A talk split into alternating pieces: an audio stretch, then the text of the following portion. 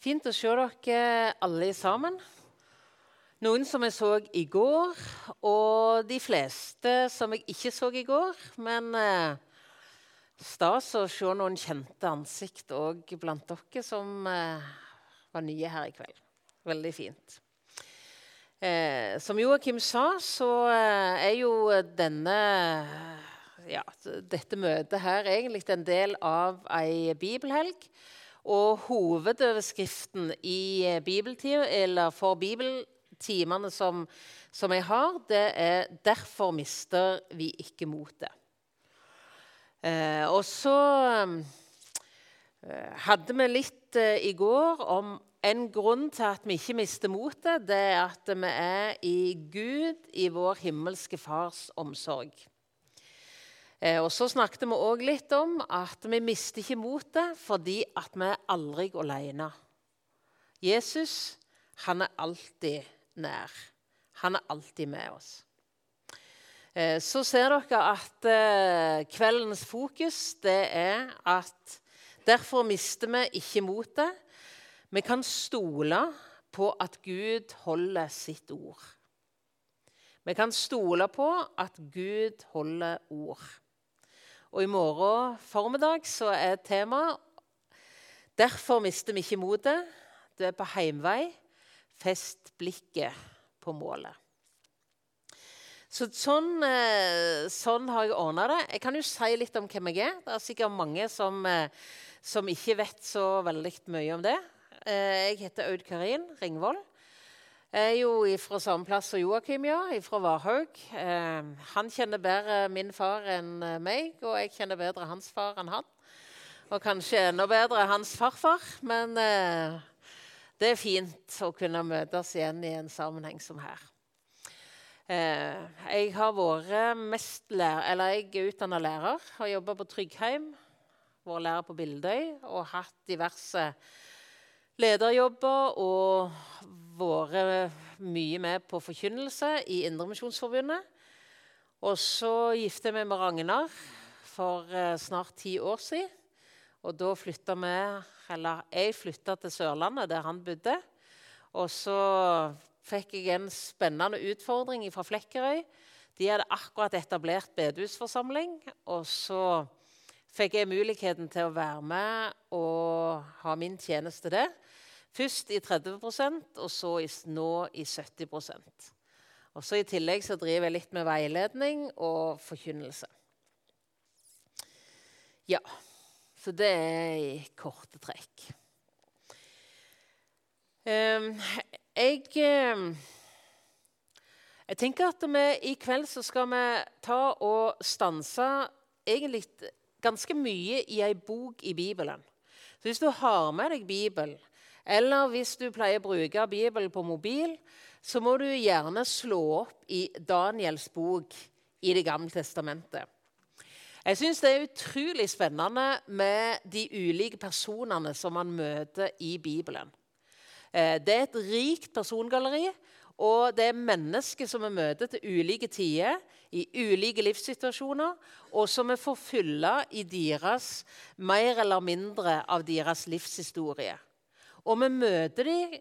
Bibelen skildrer dem ganske ærlig, både i deres hengivenhet og gode ønsker, og i deres etterfølgelse og tru, og òg i deres nederlag og fall og svik.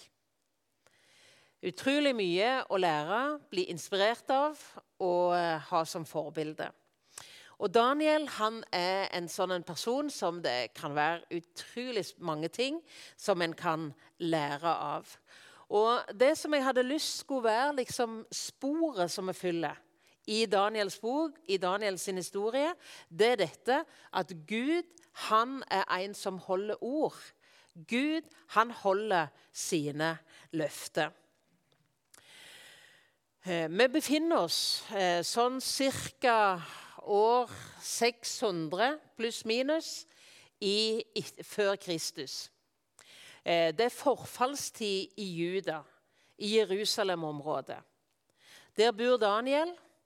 Og i Juda så er det på denne tida her mange ugudelige konger Det er konger som bygger avgudsalter og dyrker avguder, som bryter imot det som Gud har sagt. Det er falske profeter som ikke tar opp situasjonen med dem og utfordrer dem på det som er sannheten i forhold til det som er Guds vei og vilje. Og så er det enkelte profeter, bl.a. Jeremia, tåreprofeten som han blir kalt, som prøver å være en formidler av Guds ord, Guds budskap, inn i sin samtid. Men det er en utrolig tøff situasjon med forfall. I tillegg så er det en konge litt øst som eh, heter Nebukaneser. Kongen i Babylon. Han utfordrer Jerusalem. Det er to felttog som han kjører mot Jerusalem.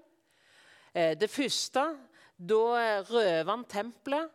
Da tar han med seg en god del unge mennesker, litt sånne flinke, ressurssterke ungdommer, tilbake igjen til Babylon. Daniel og vennene hans er blant de. Og Så kom han på et felttog noen eh, år seinere, og da ødelegger han egentlig Jerusalem. Da brytes eh, bymuren ned. Eh, tempelet blir fullstendig tømt for alle sine verdisaker. Og byen blir brent. En katastrofe i Israels historie.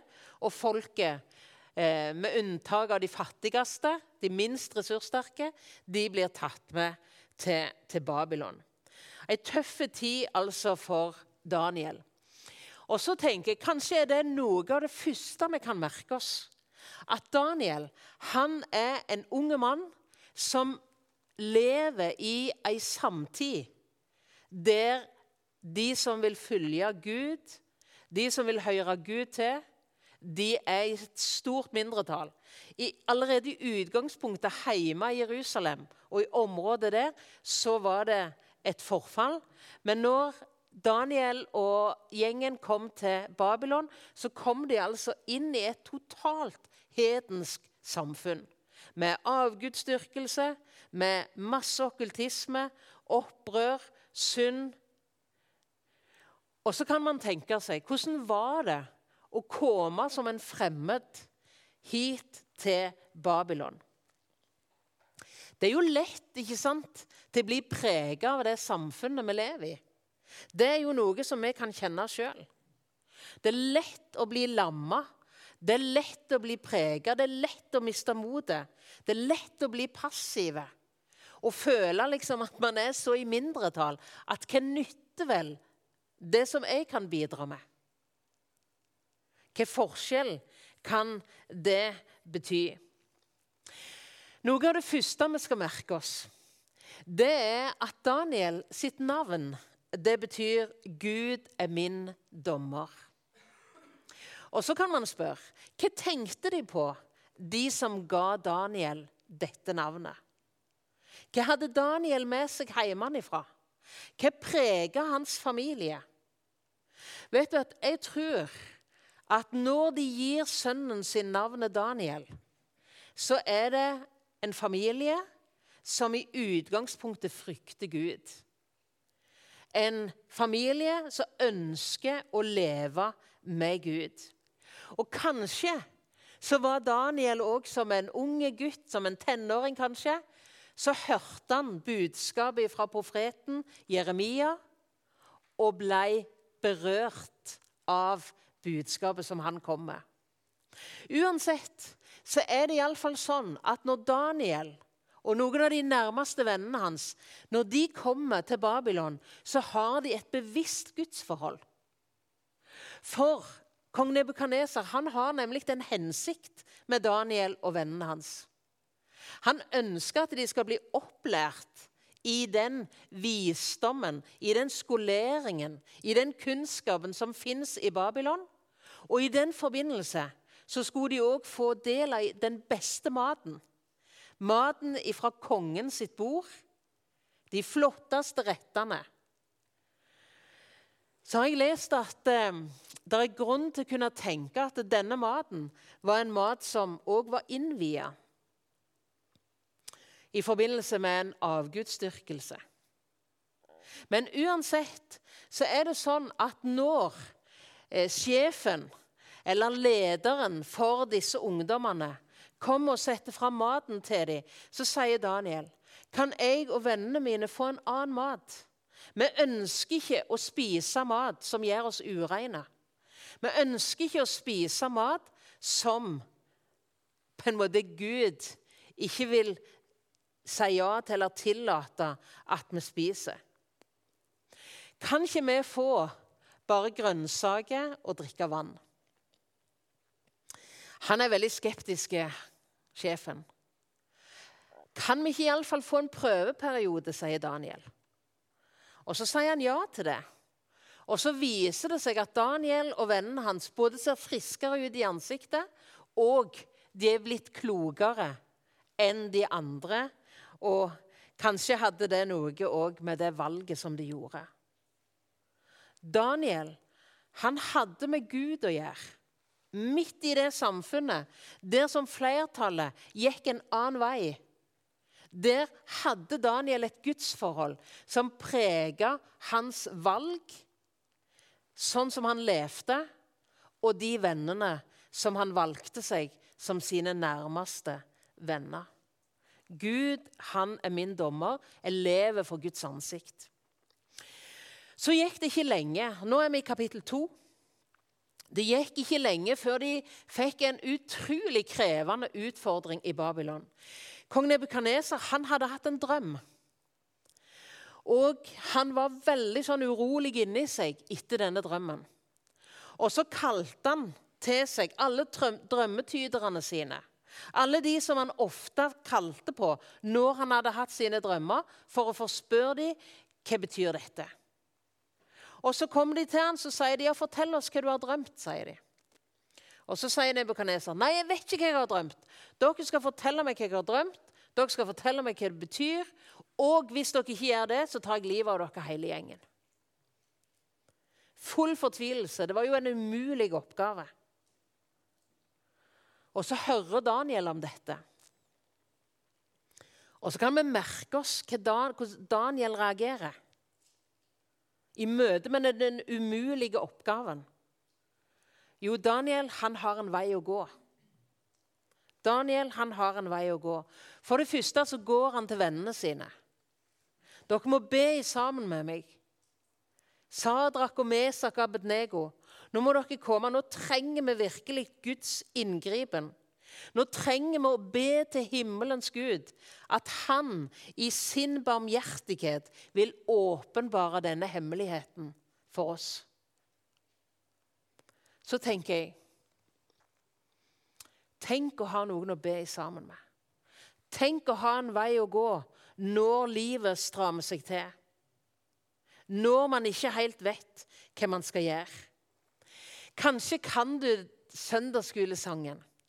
Våg å stå som Daniel. Og så kommer neste linje. Hjelp fra himmelen vent. Altså forventa hjelp ifra himmelen. Forventa hjelp ifra Gud. Daniel han hadde et fellesskap å oppsøke, noen nære venner å be sammen med. Og så vendte de seg til Gud, og så ba de om hjelp. Så står det i Salme 25 og vers 14 at Gud, Herren, har fortrolig samfunn med de som frykter Han, og Hans pakt skal bli de kunngjort. Utrolig fint å merke seg.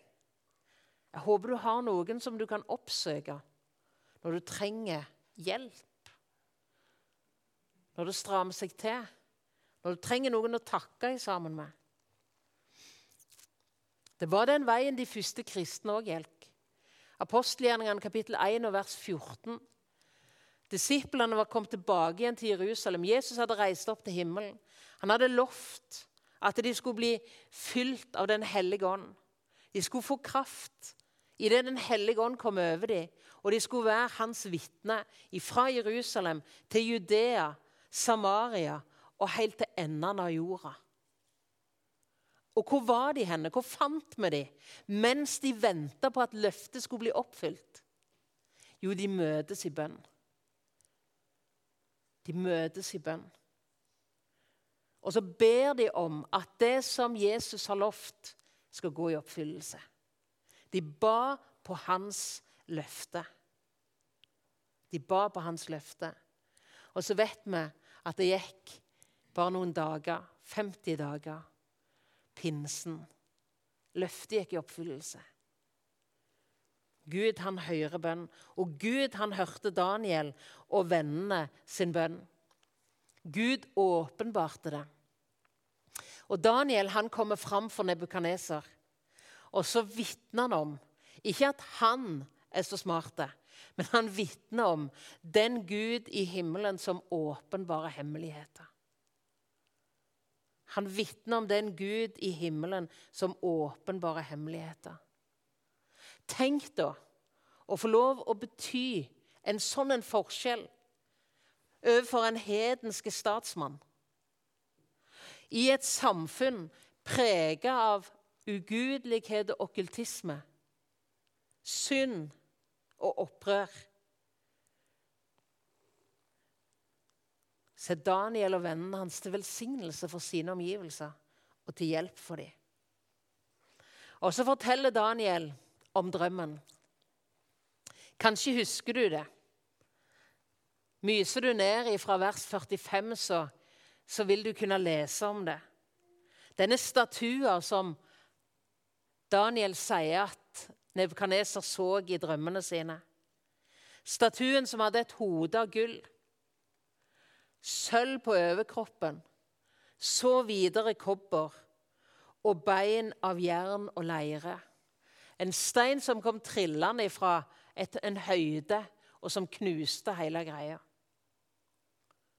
Og så tyder Daniel det for ham. Han sier her er det snakk om noen verdensrike. Du, Nebukadneser, representerer hodet av gull. Babylon, et stort og mektig rike. Etter deg så kommer det et medopersisk rike. Kong Kyros, perserkongen. Ikke et fullt så mektig rike, men et stort verdensrike overtar plassen. Og i etterkant av det riket så kommer det greske riket. Og til slutt det romerske riket. Og så er det denne steinen som kommer trillende. Et framtidsrike, det òg. Et rike som skal knuse disse. Og Nebukadneser kjenner seg igjen. Og Nebukaneser, han, eh, han bare erkjenner Daniel, du er en mann som Guds ånd bor i. Tenk det. Du er en mann som Guds ånd bor i.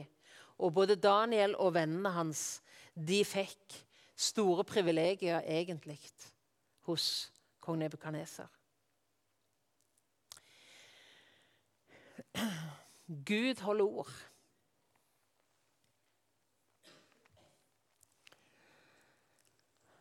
Nå kan du forflytte deg til kapittel 4. Nebukadneser har en ny drøm. Han samler liksom eh, disse spåmennene sine, åndemanerne og gjengen for å be dem å forklare hva han, har drømt, eller tydningen på drømmen hans. Og han eh, kaller òg til seg Daniel. I han er den hellige Guds ånd, sier han.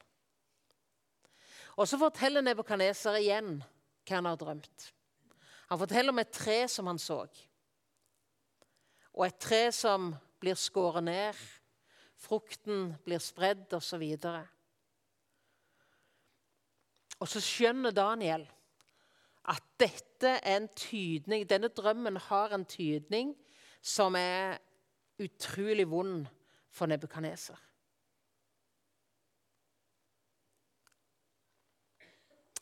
Og så tenker jeg Kanskje Daniel i den situasjonen kunne tenkt det er på tide at Gud setter en stopper for den der ugudelige nebukaneser. Det er på tide at Gud virkelig markerer seg. Drømmen har en tydning på at nebukaneser faktisk eh, eh, skal inn i en utrolig krevende situasjon der han mister forstanden og, og, og eh, oppholder seg ute på marken og spiser som et dyr. Det er utrolig sånn uh, brutale lesning. Men så kan det rett og slett virke som at eh, Daniel bryr seg. Daniel har et hjerte som blir berørt av Nebukadneser sin situasjon, det som skal ramme han. Og Det står faktisk at Daniel sier måtte dette heller være noe som skulle ramme dine fiender. Og Nebukadneser skjønner at Daniel syns det er vanskelig å være ærlig på hva denne drømmen egentlig betyr. Så han oppfordrer han og sier, 'Si det, Daniel', selv om det er vanskelig å si. Og til tross for at Daniel faktisk gjør det, og Nebukadneser får dette budskapet, så bøyer likevel ikke Nebukadneser seg i ydmykhet. Han var en stolt mann som ikke bødde seg for noe eller for noen. Daniel i mindretall som en som ville høre Gud og himmelen til. Daniel i mindretall i forhold til de verdier, i forhold til det syn som på en måte handler om det å, å følge Gud og Guds vei. Så tenker jeg hva er vårt hjerte? Hva preger våre hjerter overfor de mennesker i vår samtid, i vårt land, som utfordrer det å være kristen? Ja, som endatil gjerne kan gjøre det litt vanskelig å være kristen. Det er ganske, ganske lett å få harde hjerter. Jeg kjenner iallfall det. Det er ganske lett å få harde hjerter. Bibelen, Efeserbrevet kapittel 4 og vers 15, snakker om å være sannheten tru i kjærlighet. Og om Jesus så står det at han var full av nåde og sannhet. Det er ingen som har et så varmt hjerte for de som ikke vil ha med Gud å gjøre, som Jesus.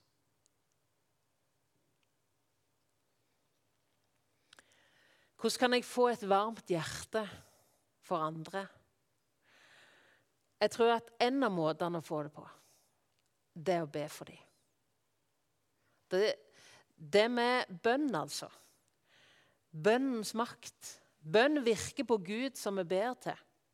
Det berører hans hjerte, hans hender. Bønn virker på de vi ber for. Men så virker òg bønn på oss.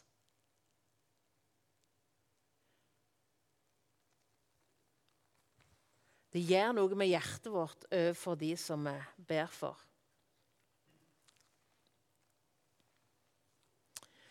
Så kanskje enda mer konkret inn mot dette med at Gud holder ord. Og vi blar oss fram i Daniels bok til kapittel 9. Du vet gjerne at Daniels bok er delt egentlig i to hoveddeler. Den ene delen er Daniels historie. Det er de seks første kapitlene. Og så kommer det fra kapittel 7 til og med kapittel 12 så er det en del om syner som Daniel får. Som tilhører den nære eller den fjerne framtid. Ting som Gud åpenbarer for ham. Og som vi skal se, så førte det Daniel inn i bønn til Gud. Men Daniel han studerer ordet. I kapittel 9 og fra vers 2 så er det tydelig at eh, Daniel han er og leser brev fra profeten Jeremia. Og jeg skal bare lese, lese fra vers 2 her.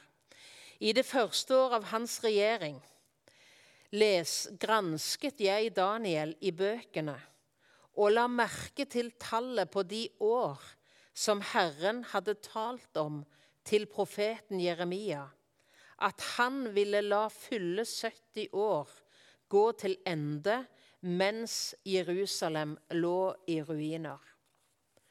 Og Så kan du bli med meg til profeten Jeremia, kapittel 29, Og vi skal lese faktisk ifra vers 4. Her ser vi et helt sånn konkret brev som Guds profet skriver inn i Daniels samtid. Så sier Herren, herskarenes Gud, Israels Gud, til alle dem som jeg har ført bort fra Jerusalem til Babel. Altså, nå kommer der en beskjed fra Gud til alle de bortførte som nå er i Babel. Bygg hus og bo i dem. Plant hager og spis deres frukt. Ta dere hustruer og få sønner og døtre, og ta hustruer til deres sønner og gift bort deres døtre, så de kan føde sønner og døtre. Bli tallrike der, og bli ikke færre. Søk den byens velferd som jeg har bortført dere til, og be for den til Herren. For når det går den vel, så går det dere vel. For så sier Herren, herskarenes Gud, Israels Gud, la dere ikke narre av profetene og spåmennene som er hos dere. Lytt heller ikke til de drømmer som dere selv har. For løgn profeterer de for dere i mitt navn. Jeg har ikke sendt dem, sier Herren. For så, sier Herren, når 70 år er gått for Babel, vil jeg se til dere og oppfylle for dere mitt gode ord, og jeg vil føre dere tilbake til dette sted. 70 år. Daniel han ser at Gud har gitt et løfte. Gud har satt ei grense for hvor lenge folket skulle være bortført. Og når han oppdager det, så skjer det noe med hans bønneliv. Han går inn i bønn til Gud. Da venter jeg mitt ansikt til Gud, Herren, for å søke ham med bønn og ydmyke begjæringer, med faste i sekk og aske. Daniel han går rett inn i bønn. Han kjemper med Gud i bønn. Han ber på en måte på løftene. Kan vi tenke oss at eh, de første kristne, de som hadde sett Jesus bli tatt opp til himmelen, de som hadde hørt løftet hans Bli i Jerusalem til det skjer at Den hellige ånd kommer over dere, og dere skal være mine vitner. Dere skal få kraft. Hvordan skal det skje, Jesus? De visste ikke det. Men de handla på det som var Guds ord. De handla på det Gud hadde sagt og lovt. Og de samles i bønn. De hjalp hverandre til å holde motet oppe. Kanskje så var det noen som var litt mismodige en dag. Og Så kunne de andre se at han var litt nedtrukket i ansiktet. Og Så dunka gjerne litt i han, og så sa han Gud holder ord. Gud, Gud holder ord. Det kommer til å skje sånn som Jesus har sagt. Bare tenk hvordan det skjedde som Jesus hadde sagt når han var her. Han er den samme. Det kommer til å skje. En annen dag så er det en annen som strever litt med, med å tro Guds løfte. Og så er det han som trenger en oppmuntring. Og tenk at sånn kan man ha det. Når det er at Gud betror oss noen av sine hemmeligheter. Når Gud viser oss noen av sine løfter. Noen som vi kanskje har ekstra bruk for. Jesus, du har sagt at ditt blod renser ifra all synd. Strever du med å tro det av og til? Be på Guds løfte. Minn Gud om løftet. Har du noen som ikke tror på Jesus, som du ber for? Gud, du har sagt at du vil at alle mennesker skal bli frelst og lære sannheten å kjenne. Nå kommer Jesus i ditt navn og ber om at han, at hun, at den må bli kristen.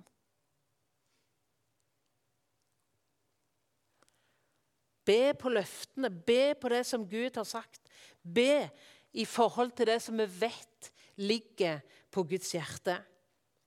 Og så identifisere Daniel seg med sitt folk. Det er ikke sånn at, eh, at Daniel på en måte tar posisjon attmed Gud og så sier jeg det var utrolig dumt at folket mitt synda. Jeg har jo klart meg fint. Nei, Daniel identifiserer seg. Så kan du se hvordan han ber. Vi har synda. Vi har veget av ifra din vei. Vi har ikke hørt på profetene som du har sendt. Han identifiserer seg med de som han ber for. Og vi kunne lære bønn av Daniel. Jeg har lyst til å ta deg med til kapittel 9, og så blar vi oss til vers 17.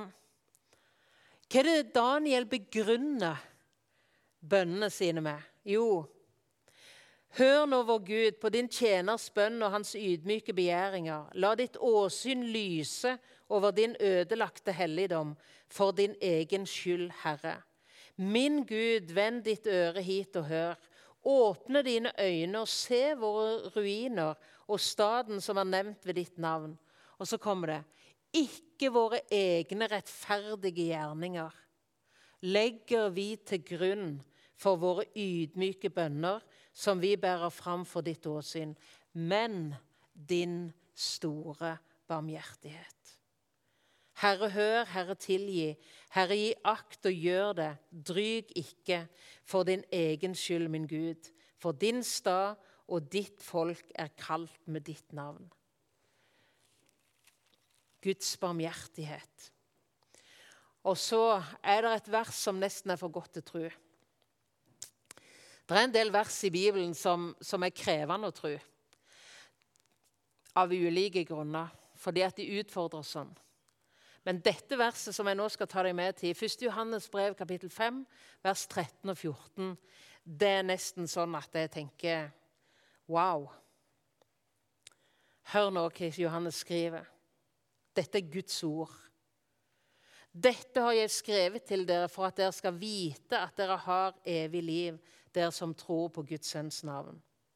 Og så Og dette er den frimodige tillit vi har til ham, at dersom vi ber om noe etter hans vilje, da hører han oss.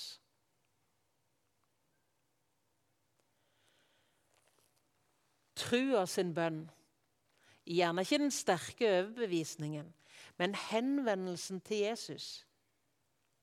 Henvendelsen til Jesus i Jesu navn. For Jesus skyld. Bønn etter Guds vilje. Bønn på Guds løfte. Det som Gud har sagt, det som Gud har lovt, det skjer. I hans tid. På hans måte. Og så skal jeg nærme meg eh, målområdet her. 70 år for Babylon. Hva skjer etter 70 år? Det er en ny hersker, kong Kyros. Leser du Esra, kapittel 1 og fra vers 1, så kan du bare lese. Og jeg syns det er så fantastisk, det er sånn som det står. Det står at Gud vakte sånne tanker i perserkongen Kyros sitt hjerte at han lot det gå ut et bud, og budskapet var La israelsfolket reise hjem og gjøre det lett for dem å reise hjem. Gud vakte noen tanker. Det som Daniel fortalte til kong Nebukaneser Mye har gått i oppfyllelse. Vi vet at etter hodet av gull Nebukaneser så kom perserkongen Kyros og hans rike. Litt svakere, riktignok. Så var det grekeren Aleksander som overtok verdensherredømmet i Midtøsten-området. Og etter han så kom den romerske hæren, keiseren, og overtok. Etter hvert så blir riket delt. Og så skal vi merke oss det er noe som ennå ikke har skjedd. Så skal vi merke deg at I Matteusevangeliet kapittel 24, i Jesu endetidstale, så henviser Jesus til profeten Daniel. Og så snakker han om at det som Daniel så, det som Daniel har sagt Og så snakker han om ei tid som skal komme, om ødeleggelsens styggedom og noe som er vanskelig å skjønne helt hva det går i. Men den Gud som oppfylte sitt ord Hvem kunne tro at staten Israel ble en realitet i 1948? Hvem hadde trodd det var mulig? Folket som ble spredd i år 70. For alle vinner i alle verdenshjørner.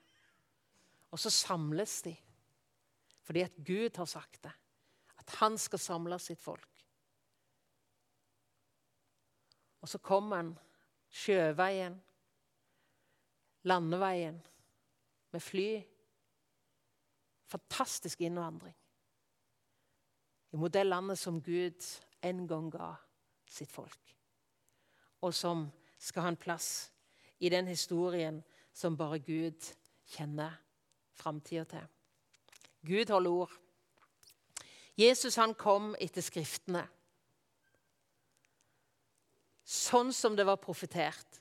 Og Jeg ser for meg at de skjønte ikke mye, de jødiske skriftlærde, når de leste om ei jomfru som skulle bli med barn, om han som skulle bli født i Betlehem, om han som skulle hentes fra Egypt, om han som skulle ha sin virksomhet i Galilea-området, i hedningene sitt Galilea, som de kalte det.